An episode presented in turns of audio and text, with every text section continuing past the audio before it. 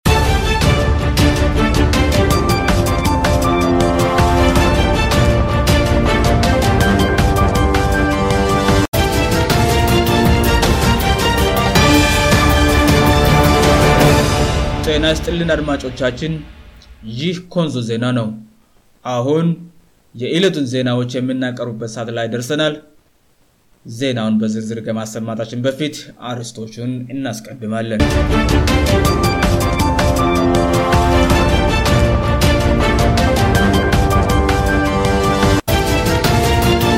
የምዕራባውያን መገናኛ ብዙሀን የኢትዮጵያ መንግሥትን ሰይጠናው ማድረግ ላይ መጠመዳቸው አንድ ሚዲያ ገለጸ በህይወቴ እንደዛሬ አዝኛ ላውቅምስሉ የኢትዮጵያ አትሌቲክስ ፌደሬሽን ፕሬዝዳንት ደራዱት ሁሉ ገለጸ ከዜናው ጋር ካፍት ላይ ተወራይቶነኝ አብራችሁን ቆዩ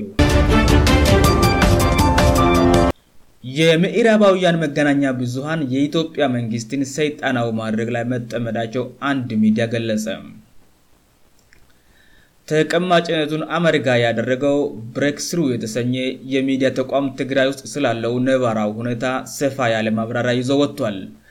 ሚዲያው ከዳሰሳቸው ጉዳዮች መካከል ስለ ህወሃ ታሪክ ስለ ጠቅላይ ሚኒስትር ዶተር አብይ አህመድ ጦርነቱ ማን እንደጀመረው በጦርነቱ ወቅጥ የነበረው የውስጡ ጣልቃ ገብነት ኢትዮጵያ የሚትገነባው የሂዳሴ ግድብ ግጭቱን በማባባስ ያደረገው አስተዋጽኦኦ የአፍሪካውያን ህይወት ለአምሪካኖች ምንም እንዳልሆነ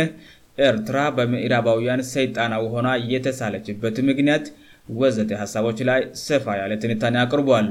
ይህ አቀራረብ ከዚህ በፊት ከተለመደው የምዕራባውያን ዘገባዎች እጅግ የተለየና ስለ ኢትዮጵያ ስፋ ያለ ግንዛቤ ያለው መሆኑ ታውቋል የትንታኔ አቅራቢዎቹ የጦርነት ጀማሮች ብቻ ሳይሆን ወደኋላ ሄደው ከኃይለ ስላ ዘመን ጀምሮ የነበረውን የኢትዮጵያ ታሪክ ለመዳሰስ ሞክረዋል ከዚህ በፊት የተለመደው የምዕራባውያን ዜና አቅራቢያዎች የግጭቱን መንስኤ በኢትዮጵያ መከላከያ ላይ የተወሰደው ኢስበአው ድርጊት ና ማይካ ድራን ጨምሮ በተለያዩ አካባቢዎች በምኖሩ ዜጎች ላይ ህወሀት የፈጽመውን ጭፍጨፋ እንዳልነበር ያድርገው የኢትዮጵያ መንግስት ራሱን ለመከላከል የወሰደውን አፀፋው እርምጃ ትክክል አለመሆኑ ላይ ብቻ መጠመዳቸው የሚታወቅ ነው ምዕራባ አውያኑ ህወሀት የሚሰራውን ድራማ እንዳላየ በማለፍእና ከዚያም አልፎ ተርፎ የህወሀትን ድራማ በኢትዮጵያ መከላከያ ላይ በመለጠፍ ጆኖዛይድ እና የዘር ማጥፋት ወንጀል ተፈጽሟል እያሉ ኢትዮጵያን እየገሰሱ መሆኑ ይታወቃል ይህ ሚዲያ ግን ከተለመደው አቀራረብ ወጣ በማለት ከጦርነቱ በፊት የነበረውን ሁኔታ ጦርነቱ በማስጀመርና በጦርነቱ ወቅት የተከናወኑትን ሁ በመዳሰስ የምዕራባውያንን ሲውር አጀንዳ አጋልጠዋል አድማጮቻችን ብሬክ ስሩ ሙሉ ትንታነ በፌስቡክ ገችን እና በቴለግራም ቻናላችን አድራሻቸውን ስለምንለጥፍ ሙሉ ማብራሪያውን መከታተል የምትችሉ መሆኑን ለመግለጽ እንወዳለን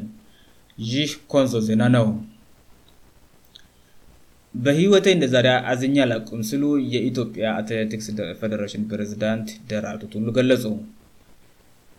የቶክዮ ሀያ 2ያ ኦሎምፒክ የመክፈቻ ስነስርዓት ዛሬ በደማቅ ሁኔታ ተቀብሯል 205 ሀገራት የሚሳተፉበት ይሽ የኦሎምፒክ ውድድር ከ1100 በላይ ተወዳዳሪዎች እንደሚሳተፉበትም ታውቋል ይሽ እንዳለ ሆነው ኢትዮጵያ በአንድ ሰው ብቻ መወቀሏ ብዙዎች ማዘናቸውን እየገለጹ ይገኛሉ ካረፉበት ሆተል ዘገይተ በመግባታቸው እና ለትራንስፖርት ከተፈቀደው ባስውጭ በሌላ ታክስ በመምጣታቸው ክበር እንዳይገቡ መከልከላቸው የአትሌቲክስ ፌደሬሽን ፕሬዚዳንት ኮማንደር ድራቱት ሁሉ ገልጸዋል የዚህ ችግር መፈጠር ላይ ትውልድ ኢትዮጵያ ውቷ በዜግነት እንግሊዛውቷ ኤደን ሀላፊነቷን በአግባቡ ባለመወጣቷ እንደሆነ ፕሬዝዳንቷ ከሳይፎ ፋንጣአሁን ጋር ባደረገችው ቃለ መለስ አስታውቀዋሉሁ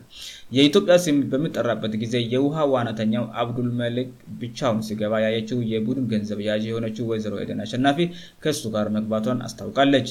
በመክፈቻው ስነስርዓት ላይ እንዲገኙ የተመደቡት ኮማንድር ድራቱት ሁሉ ዶክተር በዛቤህ ወልደ ብርሃን አደር እና ሌሎች ሰዎች መሆናቸውን ተገልጿል ሌሎች አትሌቶች በመክፈቻው ስነስርዓት ላይ እንዳይገኙ የተደረጉት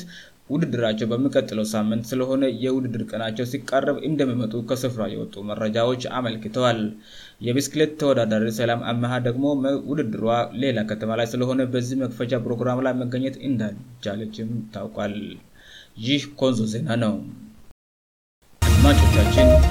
የዕለቱን ዜና ከማጠቃደላቸው በፊት አርርስቶችን እናስታውሳለን የምዕራባውያን መገናኛ ብዙሀን የየኢትዮጵያ መንግሥትን ሰይተና አከል ላይ ማስጠመዳቸው አንዱ ያገለጸ ነወ